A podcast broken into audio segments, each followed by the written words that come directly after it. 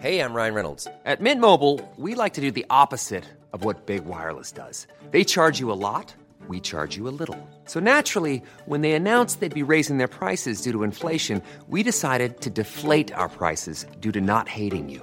That's right. We're cutting the price of Mint Unlimited from $30 a month to just $15 a month. Give it a try at mintmobile.com slash switch. $45 upfront for three months plus taxes and fees. Promo rate for new customers for limited time. Unlimited more than 40 gigabytes per month. Slows. Full terms at mintmobile.com.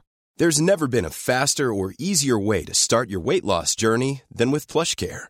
PlushCare accepts most insurance plans and gives you online access to board-certified physicians who can prescribe FDA-approved weight loss medications like Wigovi and Zepbound for those who qualify. Take charge of your health and speak with a board-certified physician about a weight loss plan that's right for you. Get started today at plushcare.com slash weight loss. That's plushcare.com slash weight loss. plushcare.com slash weight loss. Men sluta! Jag ser att du sitter och tänker på. Sluta! Ja, jag, tänker, jag tycker Det att... kommer inte in! Nej, det kommer inte in. Nej. Nej. Grishjärtat.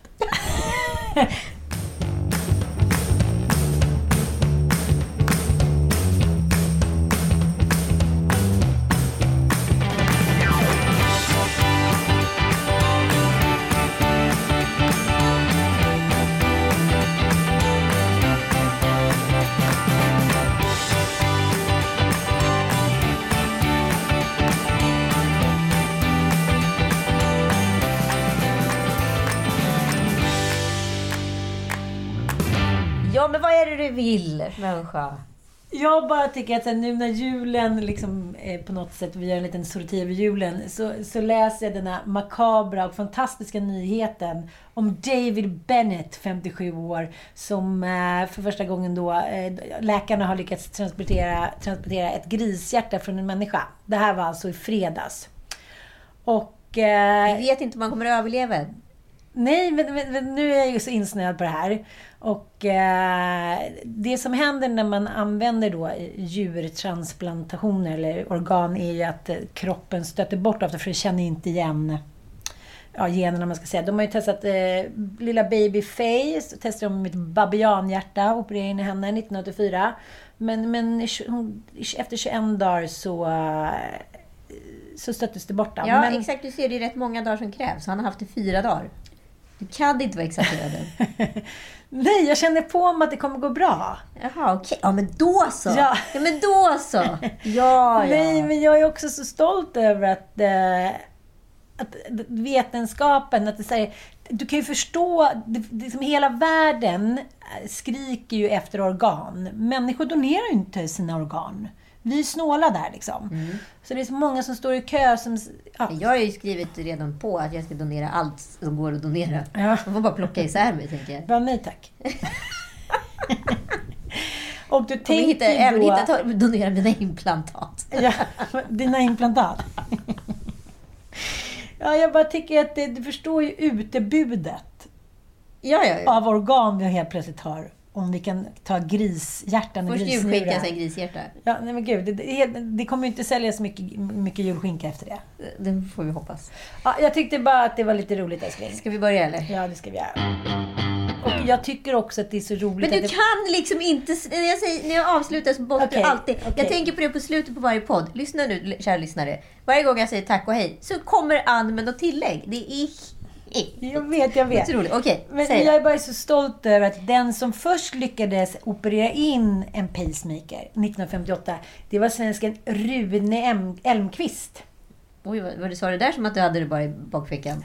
Rune Elmqvist. Och eh, när första liksom, pacemakern, då kunde ju inte hjärtat anpassa sig Välkommen efter till hjärtat. Hälsopodden. Och då gick det bara liksom tick, tick, tick, tick, tick, tick, tick. Nu kan du ju via sensorer känna av och anpassa sig efter din hjärtrytm. Men Mm. om du var ute och sprang liksom två mil, då tickade ändå hjärtat på så här, tick, tick, tick, ja men som en maskin. Ja. Och nu är det anpassat så att, att man via en dator så kan man dygnet runt vara uppkopplad mot läkare också. Mm. Och om du springer och blir andfådd, alltså det som, den påverkar ditt hjärta så att det blir, elektroderna klarar av att skapa Starkt innehåll där känner jag. Tack. Okej, Rune. Grisen. Vadå, vad- Rune och grisen har väl ingenting med varandra att göra? Det var första var en pacemaker. Är det här också en svensk eller? Nej, nej, nej. Det Nej, inte, okej. Nej, det fanns ingen koppling. Men ändå. Men jag, jag nu- tycker det här är så spännande. Ja, nu kör vi. Jag sa ju det, du kan inte inte ha Okej, sista bum- ordet. bumpra mig då. Hej och välkomna till Lille Lördag. Vi är på gång igen och vi är... Eh, vi är på gång i alla fall. Alltså, det, är ju, här är första arbetsveckan. Jag kände igår att jag var helt dränerad. Jo, det kände vi alla där hemma. Alltså inte att du var det, men att vi också var Jag tänkte säga, nej men det är inte ens fysiskt möjligt att vi ska gå upp och gå till skola och förskola och liksom äta flingor och... Jag tycker att det här var en sån jävla göttig ledighet. Ja, och då tänkte man ändå så här innan, nej men det är inget bra att julafton ligger över en helg. Jag kommer ställa till det. Men så kom ju coviden, så det Ja. löste sig. Men eh, vad var det jag skulle säga? Nej men jag var helt, fick en sån käftsmocka verkligen. Och bara så här, wow, det var hur mycket jobb som helst. Alla kom tillbaka med full fart. Mm. Men många är ju sjuka. Ja, många är sjuka. Det, jag försöker få in dig på det hela tiden. Ja, jag fattar, Ja. Du går vidare.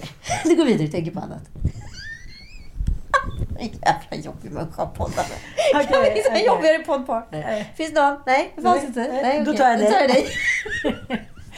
Nej, men jag förstår vad du får in mig på. Jag hade en sån... Jag hade en vidermorgon. Och jag har inte haft en sån vidermorgon sen mina stora killar var små, tror jag. Okej. Och Ja, det men, men för- sen, då tenderar man ju till att glömma saker och ting. För eftersom man har glömt hela småbarnsåren.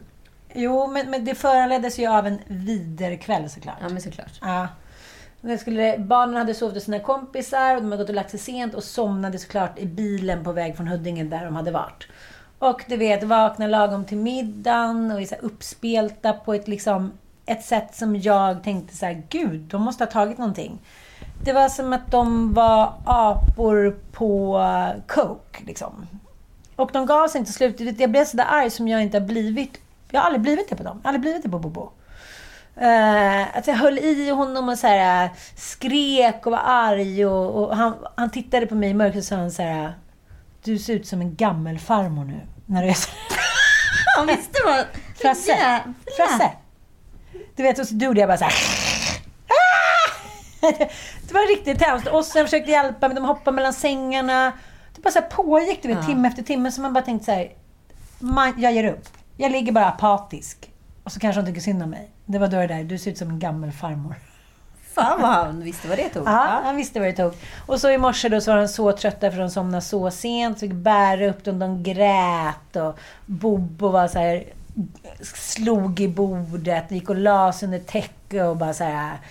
"Ah, Jag hatar den här dagen och jag, jag vill dö. Det var liksom är så, såna drama queens. såna jävla drama queens. Är, men Tom Allan också det eller? Ja, men vi, vi, har faktiskt, eh, vi ryker inte ihop så ofta längre. Eh, han, han och jag har någon eh, liksom, kontakt på något sätt. Men sen så i höstas så tappade han bort liksom fem jackor inom loppet utav en, ja, typ två veckor. Och varje dag var jag så här, men tappa inte bort den här jackan nu. Nu vet du att så här, när du går till fotbollsplanen då, då, då hänger du av dig jackan på din krok innan. Jag vet inte, vad... kommer han till av skolbussen och så bara, jag har ingen jacka. Nej, men vad var är den? Det är ju typ eh, tre grader ute.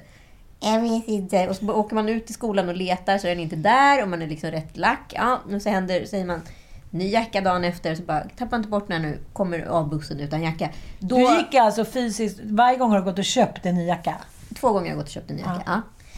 Eh, och så åkt ut till skolan och letat och så vidare och hit, hi- liksom inte hittat någonting. Ja, och eh, ja, men då när, jag liksom, när, när jacka liksom nummer fem var borttappad, då tappade jag det på riktigt på honom.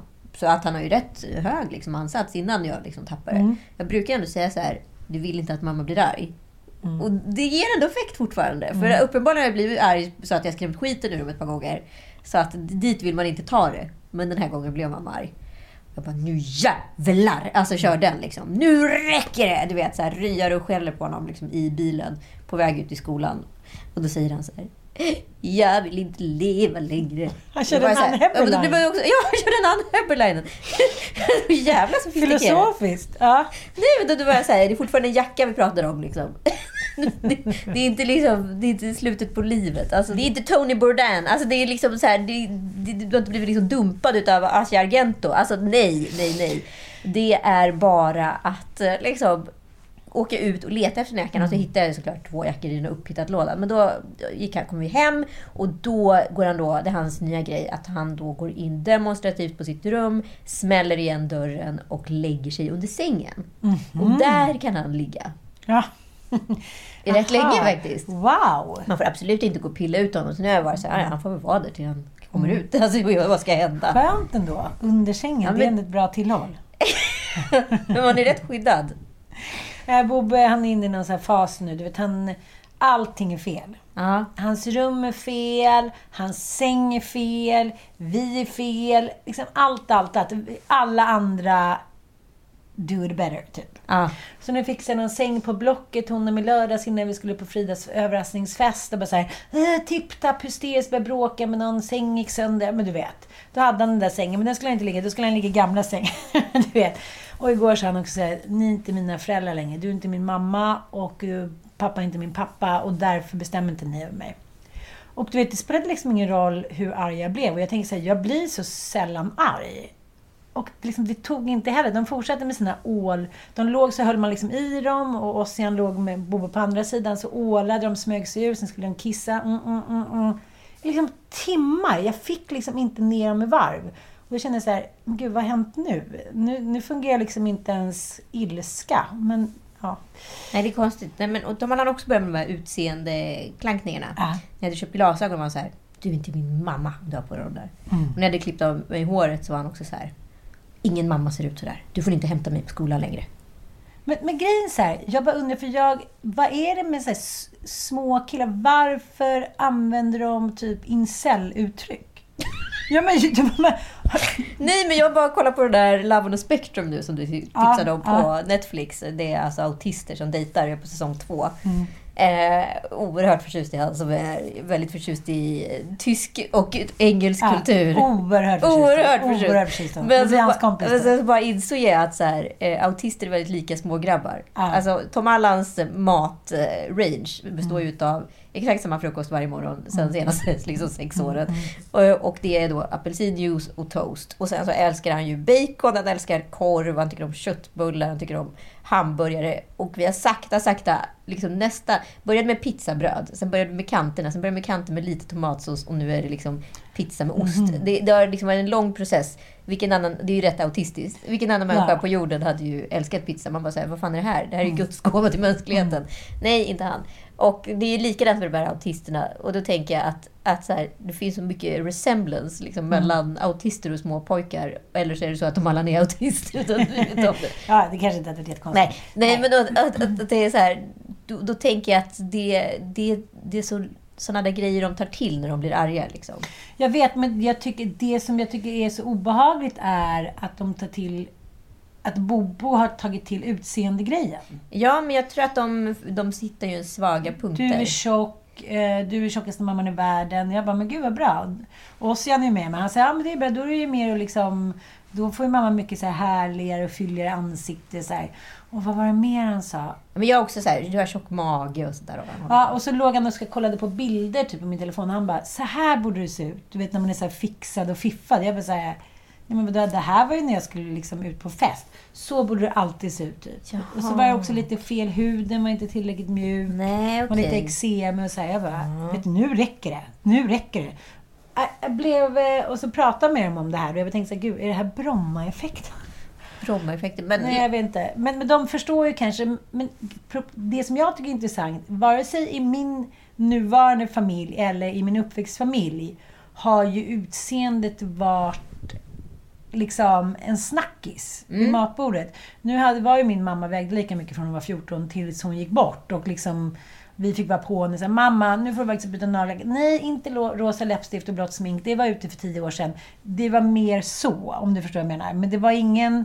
Det var aldrig några kommentarer kring utseende. Det har- var det ju i min familj. och det har ju inte varit hemma hos mig också från min sida. Men, men det är så här. Elon är ju ganska kroppsfixerad för han tränar så mycket och så här, kom igen nu mamma, nu borde du börja träna lite mer. Man bara säger fuck you. Men det borde jag i och för sig. Men, alltså, men just det här att det liksom man går på så här, vissa utseende specifikt och är sju år gammal. Då blir jag så här, Jo, men jag tänker att de, eh, att de... TikTok typ. Ja, kanske. ja, Fast jag tror inte de ser så mycket. Inte killarna på det sättet. Tydligen. Ja, nej, men jag tror att det mer är att man försöker slå på en svag punkt. Någonting som de upplever att man kanske bryr sig om. Och eh, någonting som de ser. Alltså det behöver inte vara så mycket svårare än så. Ja, men jag har ju aldrig visat att det är en svag punkt. Då är det ju ingen svag punkt. Ja, men de registrerar ju allt möjligt. Alltså jag, jag, Tom Allan kom ju och sa så här. Det ser ut som en gammal farmor. Det kanske inte var jättekul att höra i och för sig. Nej, nej men han kom ju och sa såhär, du har en mjuk, tjock mage. Och han har förmodligen sett mig spegla mig någon morgon och dragit in magen då. För han är själv besatt utav Ronaldo, sin egen mage. Så tycker han då att så här, det måste ju en, en mjuk, tjock mage vara negativt. Ja, det blir svårt att få just Ronaldo som det är den han tycker att du ska eftersöka. Exakt. Den här podden kommer ju handla rätt mycket om utseende. Och vi ska kasta oss raskt in i Emma Hambergs krönika som hon skrev för Amelia. Mm, precis. Publicerades även i Expressen. Ja, eh, den handlar ju om... Den är ju en eh, replik eh, gentemot... Eh, ja, det är Ann Heberlein, Åsa Moberg. Det är ett gäng kulturdamer som ja, beklagar sig över att Amelia de, Damo. Ja, att det, det är sorgligt att bli gammal. Det är sorgligt att man inte, att man inte längre kan använda sitt erotiska kapital. Det är väl egentligen, är inte det kontentan av det? Att så snubbar inte vänder sig om och visslar längre. Ja men precis, och det hänger ihop med, alltså så här, väljer man att liksom kliva in i metoo-rörelsen, då får man ju också löpa linan ut. Då får vi liksom avstå vissel under en period tills vi har figured it out. Liksom. Men jag, jag förstår debatten och jag kan liksom se both sides. För Emma är ju så här, jag vägrar att liksom... Jag vägrar att sälla mig till så här, botoxligan ungefär. Jag ska äta ost och leva och ha härligt och bejaka min sexualitet. Och jag är råsexig och skriver om sin eh, mormor tror jag, som träffade sin livskärlek vid 68. Och de solade nakna och dansade och låg och hit och dit. Att liksom, nej, vi ska inte... Det, det var ju flera som skrev jag, flera av de här kulturtanterna säger då, och det är inte bara kulturtanter, det är liksom unga tjejer som inte ens har fyllt 40. Bland annat en poddare på Aftonbladet som säger så här, vissa dagar så eh, har jag tackat nej för att vara med i TV för att jag tycker att jag är tjock, ful, gammal, bla bla bla. Och Men då man har konfronterats med nej. sitt utseende på ett annat sätt sedan videokonferensen inträdde. Tydligen påstås det, jag vet inte om det är faktisk statistik, att just skönhetsindustrin har ju eh, ökat explosionsartat efter folk har börjat behöva konfronteras med sitt eget utseende. Precis, och särskilt för männen då som Mm. säger oj, I got a bold head.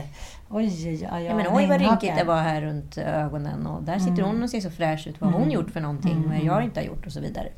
Jag så jag, jag, förstår, jag förstår Emma, ska jag säga, på ett sätt. Men jag förstår också att den referensen hon har, det är en tid som inte ser ut som våran. Ja, jag fattar. Eh, jag tänker också att hon har byggt sin karriär och sitt liv på att vara eh, liksom sköna, härliga, frigjorda, liksom levande Emma. Och eh, ja, jag vet inte, man, man ska inte jämföra utseende, men när jag ser Emma Hamberg så tänker jag så här, fan vad hon ser härlig och fin och söt ut. Det är inte så här, åh, där är en gammal rynkig 50-åring, om det är nu det hon utger sig för att vara. Förstår lite vad jag menar? Ja men precis. Men sen tycker jag att hon, hon har en poäng som jag fastnar i, där hon säger så här... Eh, hon säger så här, jag, jag vägrar att ägna mig åt självhat. Livet är så kort och jag tänker liksom njuta av det. Och eh, jag tror att det handlar väldigt mycket om det här är min lilla tolkning. De kvinnor som har gått ut med att de så här, är så deppiga över att de åldras liknande. Det är ju också kvinnor som har haft en maktposition. Men också aldrig stuckit under stol med att de har använt sin, sitt då sexuella eh, kapital, om man ska säga, för att nå dit. Det verkar inte som att de kanske har tusen tjejkompisar eller varit på tjejresor eller liknande. De har gillat makten och gubbarna. Och när den blicken vänds bort så tänker jag så här, istället för att den vänds mot dem med så här, ja men, icke med självhat så kanske de gör någon summering av vad blev kvar till mig då?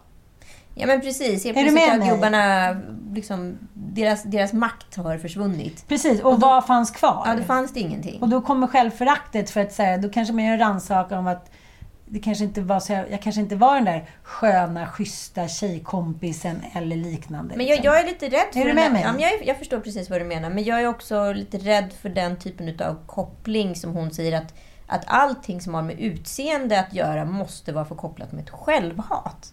Nej, det, det tycker jag absolut inte. Jag menar bara att det kanske handlar om att man ser sidor hos sig själv för, som man inte gillar. För jag kan tycka så här, vissa månader vaknar man ju upp och bara så här Wow, looking good! Fan, jag känner mig så himla bra. Och vissa månader gör man ju inte det.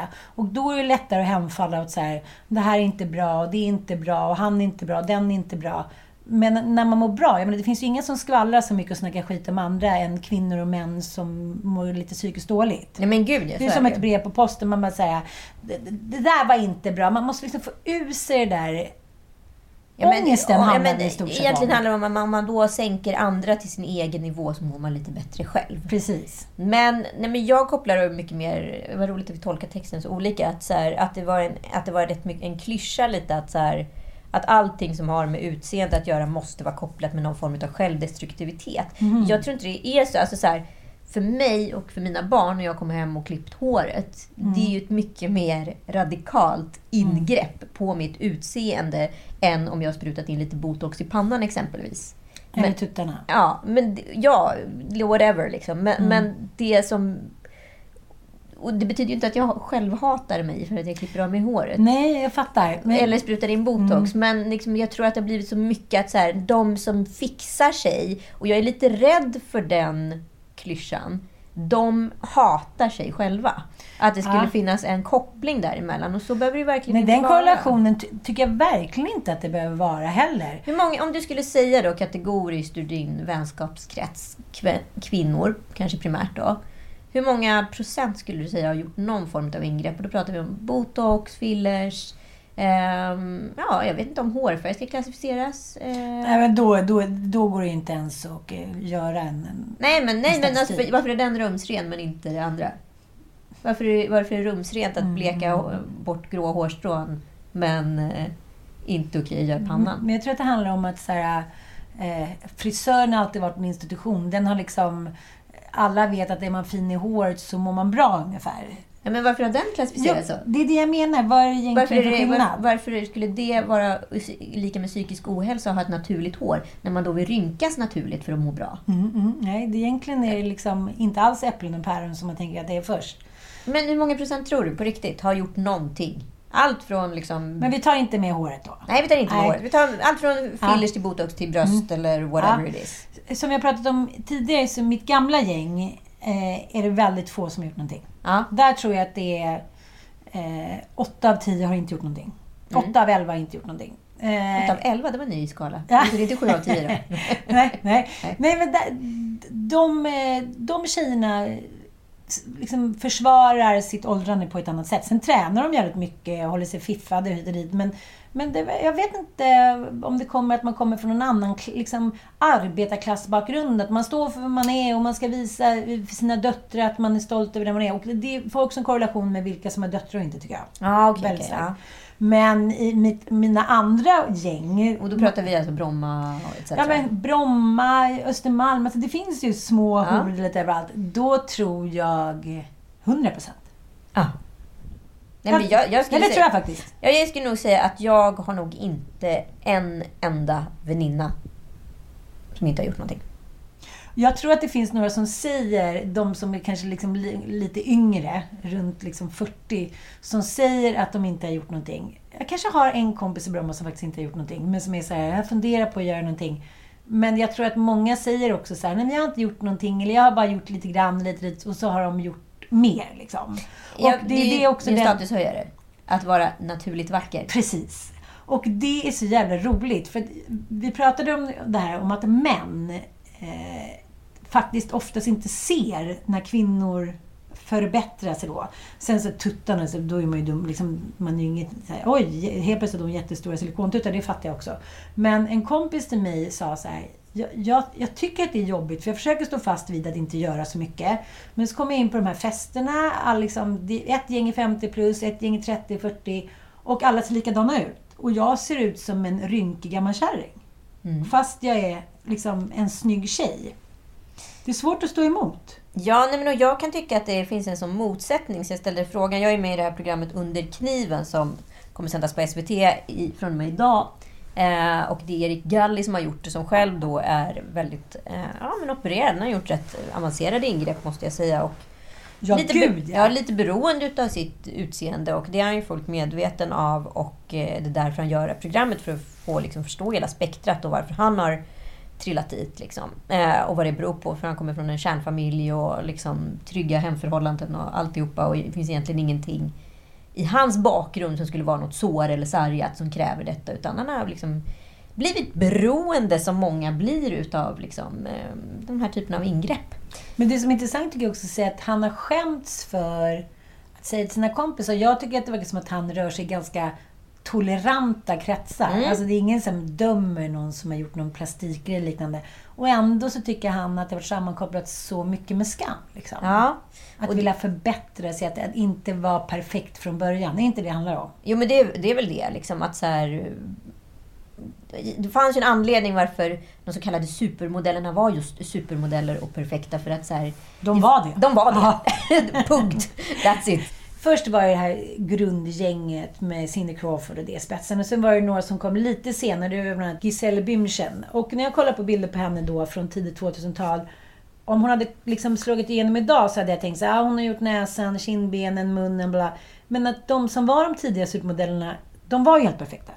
De var liksom de män, kvinnorna som föddes perfekta. Vilket kvinnor gör och män också hela tiden.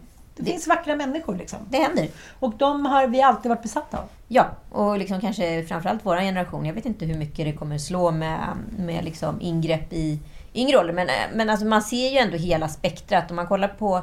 För det är det här som är så in- intressant enligt mig då. Att när vi har ett sånt visuellt medie som sociala medier är, där vi lägger upp bilder och postar bilder på varandra, så kommer ju med det en ny besatthet utav ens utseende. Såklart. Ja, så jag förstår Ann Heberlein och dem om de nu tycker att så här, jag är inte med i samtiden och här står jag med mina rynkor och håller någon fana som jag inte vet om den är värd att hållas. Liksom. Eh, Att bli osynlig är det det handlar om. ja.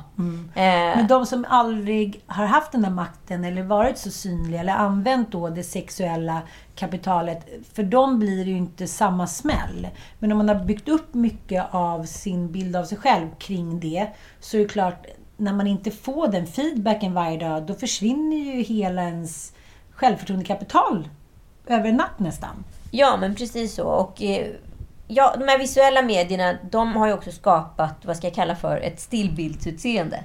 Eh, som är ett typiskt här, Kylie Jenner-utseende, som egentligen vi vet att hon har opererat alltså, allt från käklinje till läppar till eh, format, formgivit hela sin kropp egentligen med, med liksom bröst och, och liksom Rumpa. rumpa och allting. Och vi, vi vet att Nej, hon är omgjord. hon är omgjord, hon är skapad för att nära sociala medier. Vi vet också att Bianca Ingrosso, en av Sveriges största influencers, har gjort fillers och, och teardra och liksom fyllt upp läppar och liksom skapat sitt utseende och har också i grunden en ätstörning. Men är en av Sveriges mest älskade liksom, influencers och betald därefter, precis som Kylie är. Så att så här, utseende är en maktfaktor idag, det kan Ja. vi inte sticka under stol med. Samtidigt så blir folk extremt provocerade.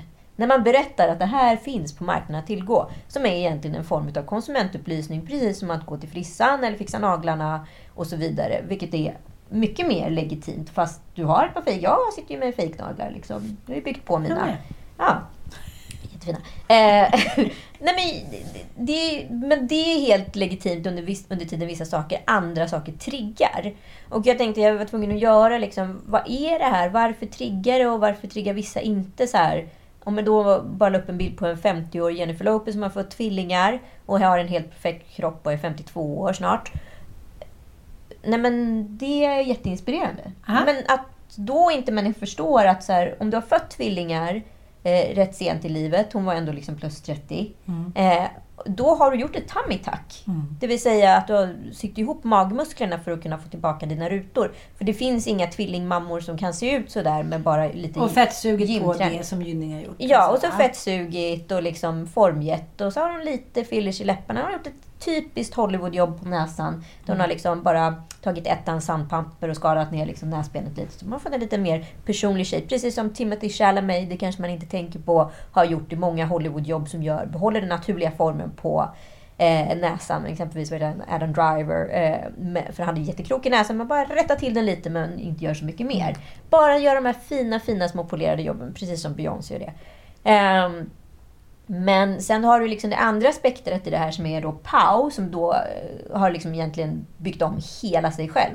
Från liksom att hon har gjort cat eyes, eh, typ slipat pannan och eh, fyllt på allt. Slipat panna. Ja, precis. Det är rätt vanligt om man har... Det är faktiskt en rätt vanlig så här, killoperation. Jag tror faktiskt Erik- Galli har gjort det. Man slipar ner eh, liksom, pannan på mitten utav eh, själva huvudet för att få ett jämnare uttryck och inte så maskulint. Det går att göra allting som sagt. Eh, och eh, ja, till och fixat allt, allt, allt. Eh, och varit transparent med det. Hennes utseende är ju vad man kanske skulle kalla för ett typiskt dokusåpa-utseende. Men hon, hon är transparent med sina ingrepp och så vidare.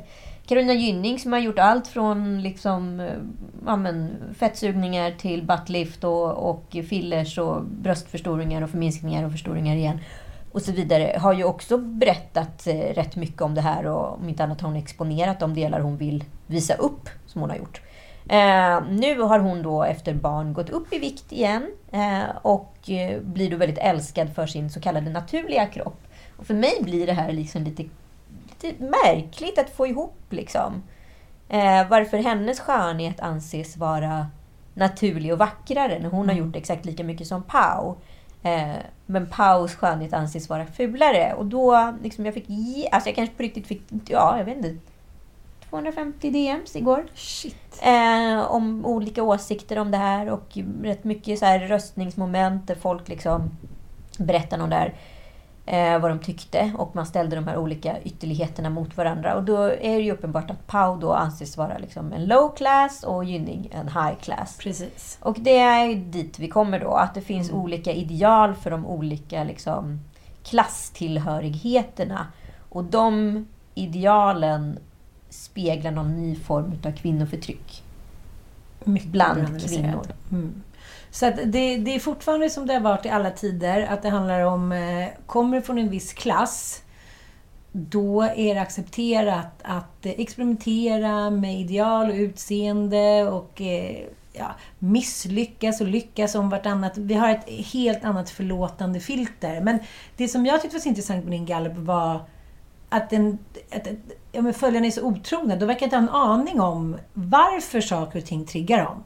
Nej, och det hade uppenbarligen i, i, grund och botten, som jag tolkar det, var det bara personliga varumärken, vad man själv har för association med personen. Så kom personen från liksom, vad ska jag säga, en renare bakgrund eller upplevts renare eh, och mer älskvärd, då var man mer okej. Eh, det vill säga, Gynning var väldigt mycket mer älskvärd än Pau. Men jag tycker det är korrelation också till den här nya forskningen som kom förra året. Eh, Både från England och även nu gjorde någon mindre forskning här i Sverige. Att kvinnor med utländsk bakgrund eh, hamnar ofta i, liksom i komplikationer under förlossningen. För att eh, man konstaterar då att man tänker, nu låter det helt vidrigt, men då de är mer djuriska, eh, de klarar mer. Aha. Så att eh, om en vit kvinna kommer in så tänker man så här, hon är, hon är spröd, hon behöver hjälp, hon behöver liksom omsorg av oss.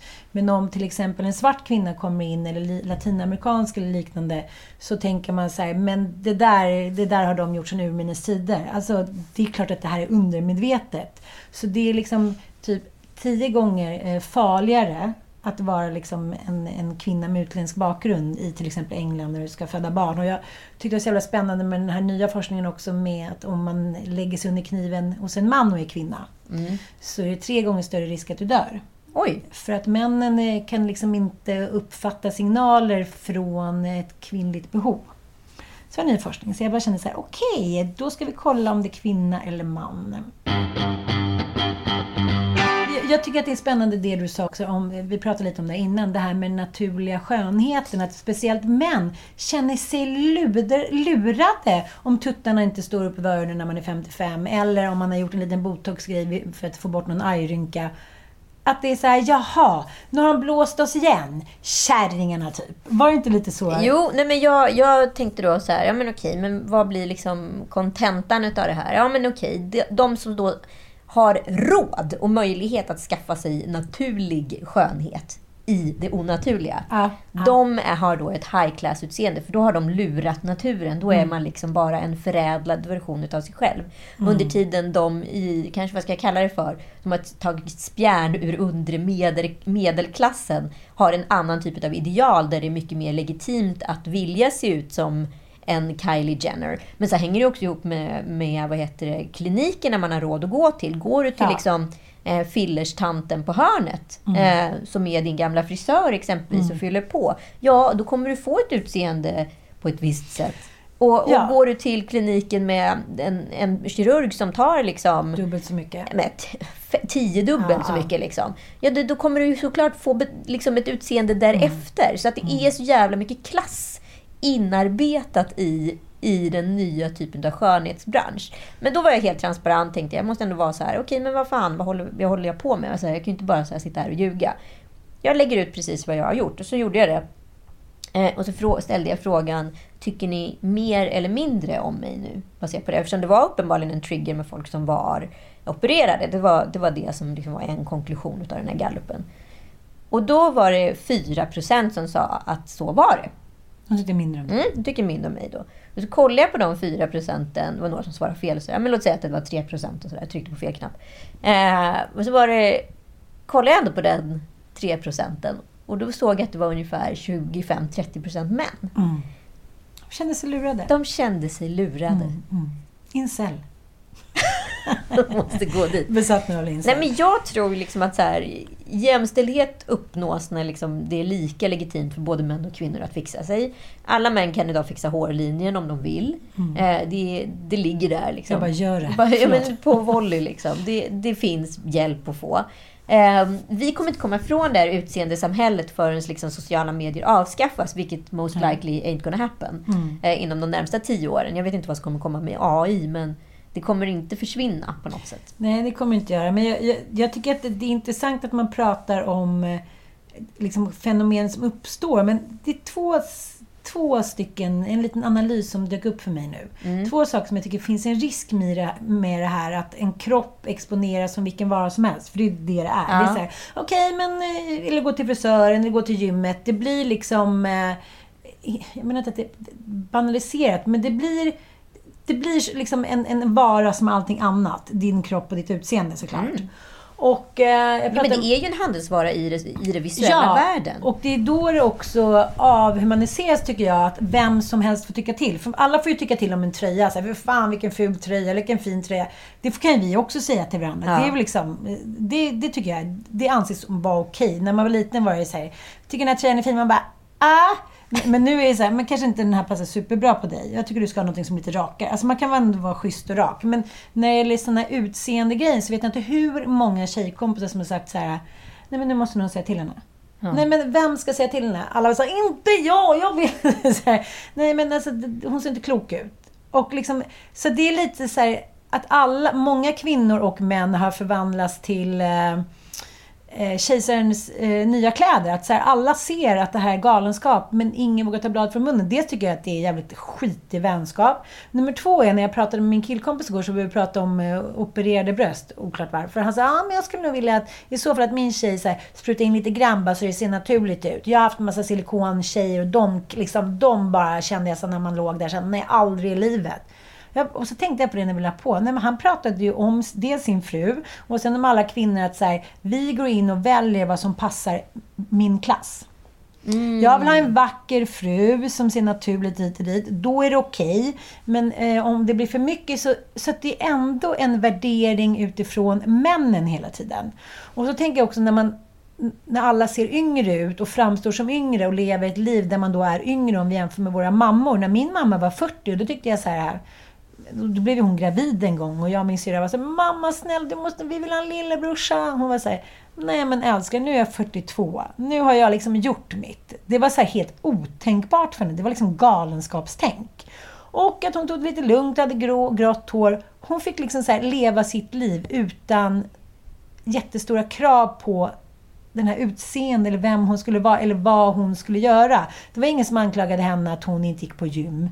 Det var ingen som sa att hon var gråhårig. Hon var liksom en kvinna av sin tid.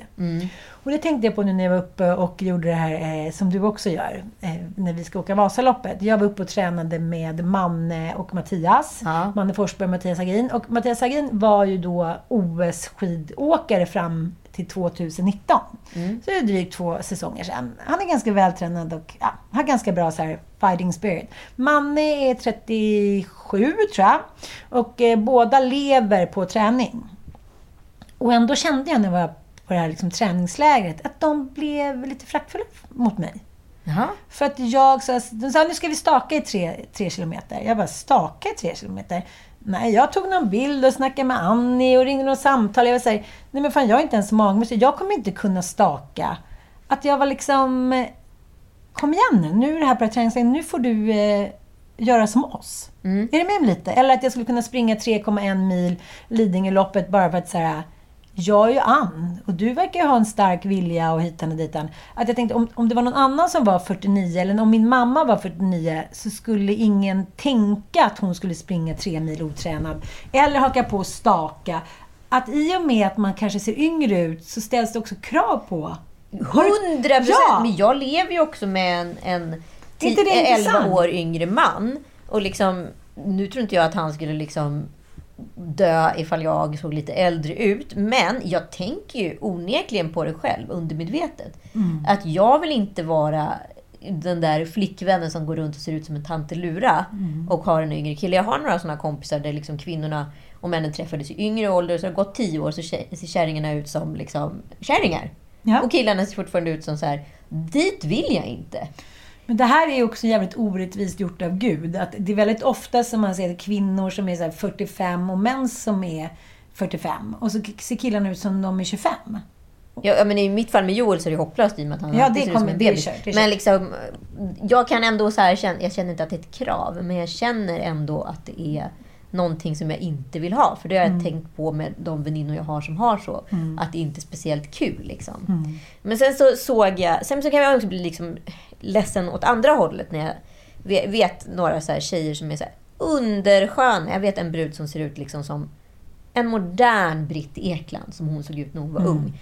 Du vet, man bara känner så här: Oh my fucking god, du har ett sånt jävla billion dollar face. Det här händer liksom inte. Hur kan en kvinna som du bara gå runt och existera? Alltså Mm. hur har du fått liksom genetiken att liksom vara så liksom förädlande för just dig?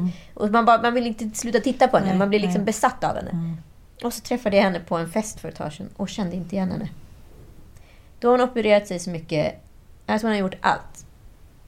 Och förstört precis allt Varför? det där som var unikt med henne. Jag fattar inte, jag fattar inte. Och ser ut som vem som helst på sociala medier nu helt plötsligt. Det är det jag menar. Man har någon or- originell, jag tänker på hon den gamla klassiska Dirty Dancing eh, skådespelerskan Jennifer Jennifer Grey. Grey.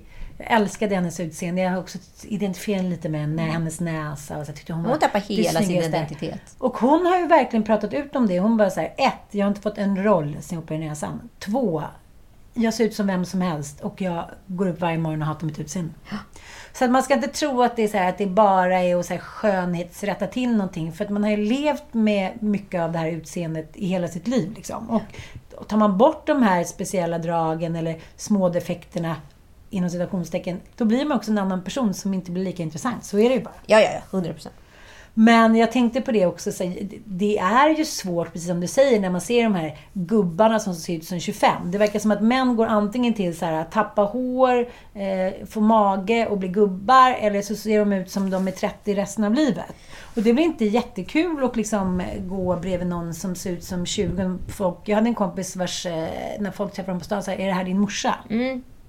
Nej, men, Hon bara, vad kul. ja, men det är ju inte Då blev, kul. då blev hon besatt av sitt utseende. Ja, och jag, alltså jag har ju alltid varit besatt utav mitt Mm. utseende. Jag tycker ju så här, jag vet att jag aldrig skulle kunna bli kirurg, men jag tycker det är så fruktansvärt roligt att hålla på och fiffa också. Hur kan du börja mig? Nej, men alltså, så att jag, jag, jag tycker att det är kul, men jag gör det så pass Mm. sällan så att så här, det är fortfarande inte ett beroende. Men däremot så tycker jag att det är så jävla skoj. Men det Man, finns ju får också... man en- ens erkänna det? Ja, varför inte det? För men du, alltså jag vet inte. Det, det handlar väl om, som du pratar om, att, att om man tycker att det är roligt och ändå är, har någon liksom grund självkänsla så kan det vara lite kul att göra lite laborera med minikini-grejer liksom. Och det- är, så här, det är ingen biggie för dig. Du kan ju liksom, fixa lite hit och dit. Det är inte så här, nu ska jag ligga inne i tre månader och så här, sjukskriva mig för att jag gjorde något lite. Du, du gör det lite på det sättet som du gör med allt annat. Du gör det på en kafferast och sen är det klart. Ja, men du är inte så sentimental. Nej, nej, verkligen Det var lite inte. som när du klippt håret. Du bara, men det växer ju ut snart. Det tycker jag är ganska skönt. Men, men, eh, Att det ska växa ut? Nej.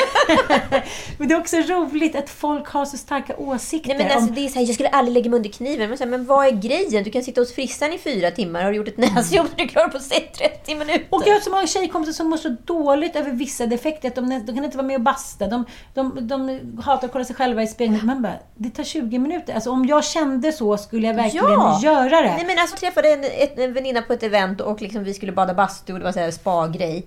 Eh, och hon var så här, nej men jag följer inte med in i bastun. Jag bara, men varför då? Nej men jag har inte visat mina ben på 20 år. Jag bara, men varför då? "Ja, Men för jag har åderbråck. Va? Liksom. Va? Vem bryr sig? Så, det har ju liksom limiterat hennes liv. När det liksom finns hjälp att få runt hörnet och inte speciellt dyrt. Så jag förstår inte varför människor väljer att må dåligt för den här naturliga skönheten. Så det finns liksom lika mycket motsättning i att må dåligt för att vara naturligt skön. Jag vet, det blir liksom kontraproduktivt. Jag tycker min syrra är ett så otroligt bra exempel. Hon fick ju, det är väldigt genetiskt såklart, hud och liksom utseende och allting. Och hur man åldras, om vi ska använda det uttrycket. Men min syrra hade ju alltså vid 37 års ålder, hade hon så hängiga ögonlock att hon liksom en halvtimme efter hon hade gått upp såg hon nästan ingenting. Hon fick liksom badda, försöka hålla på med krämer, jättemycket hud under. Det hade ju min pappa också. Men han fick det ju liksom statligt när han var typ 65. Hon eh, ringde Sofiahemmet och gjorde, eh, var tvungen att göra två eh, operationer. Ja. Och de sa så här, du har alltså hud under och över ögonlocken som att du vore 80 år. Alltså, det blir ju ett handikapp i vardagen. Och hon fick också, mamma hade ju åderbråck och det har min syrra också. Och nu är det andra gången hon har fått göra om det. Hon sa det så här, jag tänkte att jag inte skulle göra men det gör ju ont också med de här åderbråcken. Så att hon, hon, men hon färgar inte håret. Nej. Hon eh, gör ingenting i ansiktet. Hon vitar tänderna, fixade ögonen och fixade åderbråcken. Och sen tränar hon. Och liksom, det har hon gjort för att liksom, korrigera någonting som faktiskt är ett handikapp i hennes vardag. Är det inte underbart att man slipper gå omkring med ögon och, som liksom lägger sig ovanför ögonen och känner sig som en trött björn varje dag? Nej, men det är det jag menar. Så här, alltså fördomen som folk i min poll sa, det var att så här, folk som håller på att operera sig mår dåligt. Ja. Det var liksom konklusionen. Att de är besatta utav sitt utseende. Men folk som inte opererar sig, skulle jag säga, de mår fan också dåligt. Så, så att jag Alla tror mår att, dåligt. Det är det jag försöker komma fram till i det här programmet. Att man lägger så jävla mycket skriker triggers så fort man lägger upp någonting. Men menar på att man inte skulle må sämre utan att visa vad man gör eller vad som finns på Men marknaden. vadå, så jag har ju opererat... Eh, Du har ju fan gjort näsan. Näsan, muttan. Nej, jag har inte gjort... Alltså min näsa gick ju av. Ja, gjort näsjobb. Vad ska Jag gjorde ju inte det. Nej. Och sen sa min kompis, nu har jag bokat tid hos dig på öron näsa hals där jag jobbar nu, för du kan inte gå omkring med näsan i. Du kan ju inte andas. Vad var du? Jag gick jag omkring tills jag var 23. Jag är i och för sig åt andra, andra hållet kanske. Men som att jag har lidit av min förlossningsskada.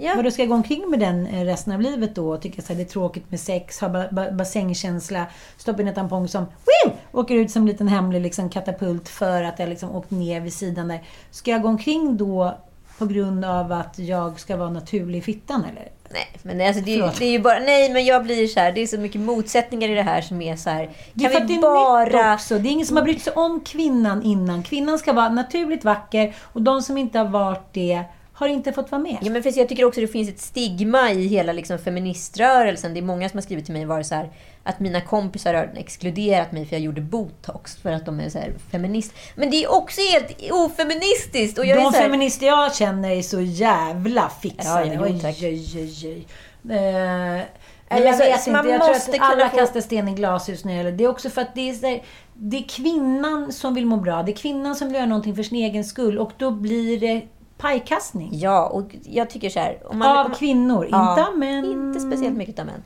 Eh, men jag skulle verkligen vilja säga att så här, jag tror man ska utgå från sig själv. Vad får mig att göra lycklig? Läs, läs på om vad så här, tillfredsställelse, att vara Mm. mm. självtillfredsställd.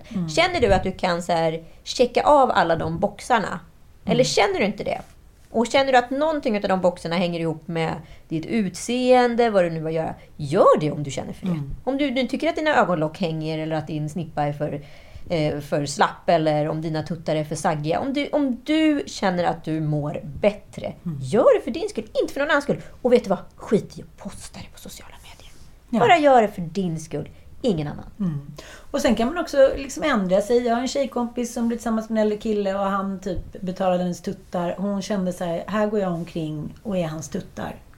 Så när hon skilde sig från honom så tog hon bort dem. Så kan man också göra. Mm. Så att säga, ingenting är ristat i sten. Nu, nu framstår det som att vi är värsta så här, jag har aldrig gjort någonting.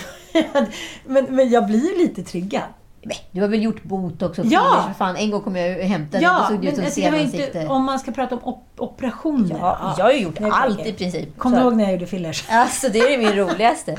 Kan vi inte prata om det? Jo, det kan vi göra. Ja.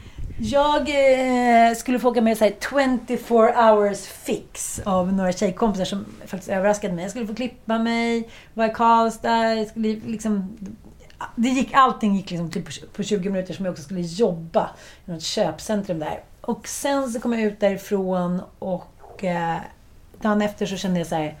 Nej men det här är inte okej. Nej men det här, är inte jag. Nej, jag, jag får låsa in mig själv i tre månader. Jag liksom, vågade inte åka hem. Jag vågade inte lägga ut en bild. Allting förstärks ju också på bild. Ja, ja, ja. Det ser mycket, mycket mer fixat ut. Och sen så gick några veckor och eh, Nej. Sanna hade också gjort det. Så jag kommer ihåg att vi var på SVT jag kollade på henne och jag bara Miss Piggy. Hon bara Miss Piggy. Så bara aldrig mer! Nej men alltså jag kom ju och hämtade dig för vi skulle ju till Steam och jag bara så här. Varför Nej, du mötte mig på har... Steam, Ja, älskling. det. Du mötte mig Vänta, på ta om Steam. det, ta om det. Ja. Nej. men, och jag mötte ju upp dig. Jag satt ju uppe vid frukosten och du kom upp och bara Men gud, hur är det? Är du trött? Jag bara Med bara små, två små grisögon Ja, stirrade ja. tillbaka för att dina kinder var så jävla stora. Ja. Nej, men det var ju också så här, då kunde ju någon säga så här till mig, du har fortfarande kvar med, liksom, kinder. Om du gör det kommer du ju se ut som Miss Piggy. Och det gjorde jag. Äh, för fan, jag mådde så dåligt i månader. Äh. Varför åkte jag inte tog bort lite för? Nej, du sa till mig att jag Ja, skulle jag, göra jag, det. jag, var jag var aldrig med att göra om det där. Nej, jag får aldrig mer göra det. Nej. Nej, men jag gör, ju, jag gör ju bara botox i pannan och så ser jag till att lägga det rätt högt upp. Eh, för att ha kvar mimik så att man kan röra sig lite. Och sen så har jag lite ojämna ögonbryn så då lägger jag precis ett i ögonbrynet så att det åker ner lite. Eller eh, hissas upp liksom så att de blir jämna. Det är det jag gör. Sen har jag gjort näsan för, ja men det var mer än sju år sedan. Eh, och sen har jag gjort tuttarna. Då så jag fettsug med någon gång. Och sen så har jag gjort fillers två gånger i läpparna. Men det kommer jag nog inte göra om tror jag. Eh, får vi se.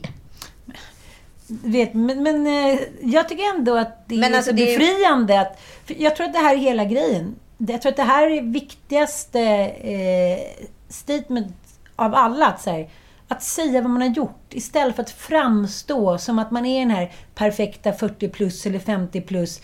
Säg, det här har jag gjort. Eh, Take it or leave it. Och jag står för det. Istället för att man ska så, titta och kolla på J Lo och vara så här.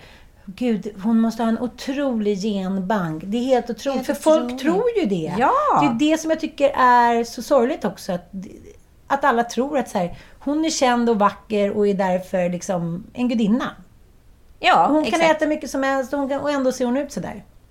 Ja. Det är en trigger ska jag säga. Det skulle jag också säga är en trigger. Och jag eh, tycker att eh, kvinnor måste respektera varandras utseende oavsett vilket val man än gör. Om nu Ann Hedlein och gänget känner att de är fula för sociala medier och de mår dåligt över det, då finns det hjälp att få.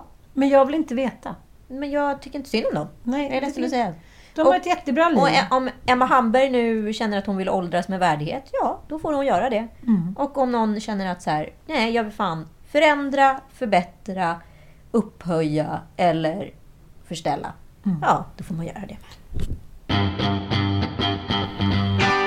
Säg något klokt nu då, du som alltid ska säga något på slutet. Nej, jag behöver inte säga något på slutet. Det som jag tycker är sorgligt, alla Nej, de, vad här, nu? de här unga, unga människorna som jag tycker har varit så jävla gulliga Och så är de så här mellan 25 och 30 och så har de förstört sina utseenden. Det gör min mamma ledsen. Ja, men det gör mig mamma ledsen också. Och jag hoppas att eh, det är en dålig trend som kommer försvinna med ett skönhetsideal som säkert kommer försvinna på sikt. Jag tror nästa stora trend är smala läppar. Då ligger vi båda lite risigt till. Det gör vi. Tack för att ni har lyssnat. Tack, tack! Hej då!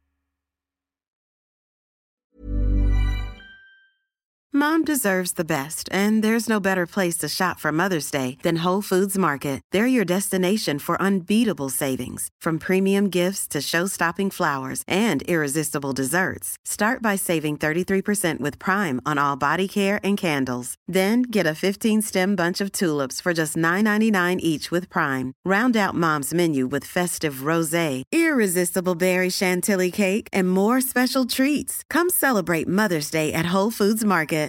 Imagine the softest sheets you've ever felt. Now imagine them getting even softer over time. That's what you'll feel with Bowl and Branch's organic cotton sheets. In a recent customer survey, 96% replied that Bowl and Branch sheets get softer with every wash. Start getting your best night's sleep in these sheets that get softer and softer for years to come. Try their sheets with a 30-night guarantee. Plus, get 15% off your first order at bowlandbranch.com. Code BUTTERY. Exclusions apply. See site for details.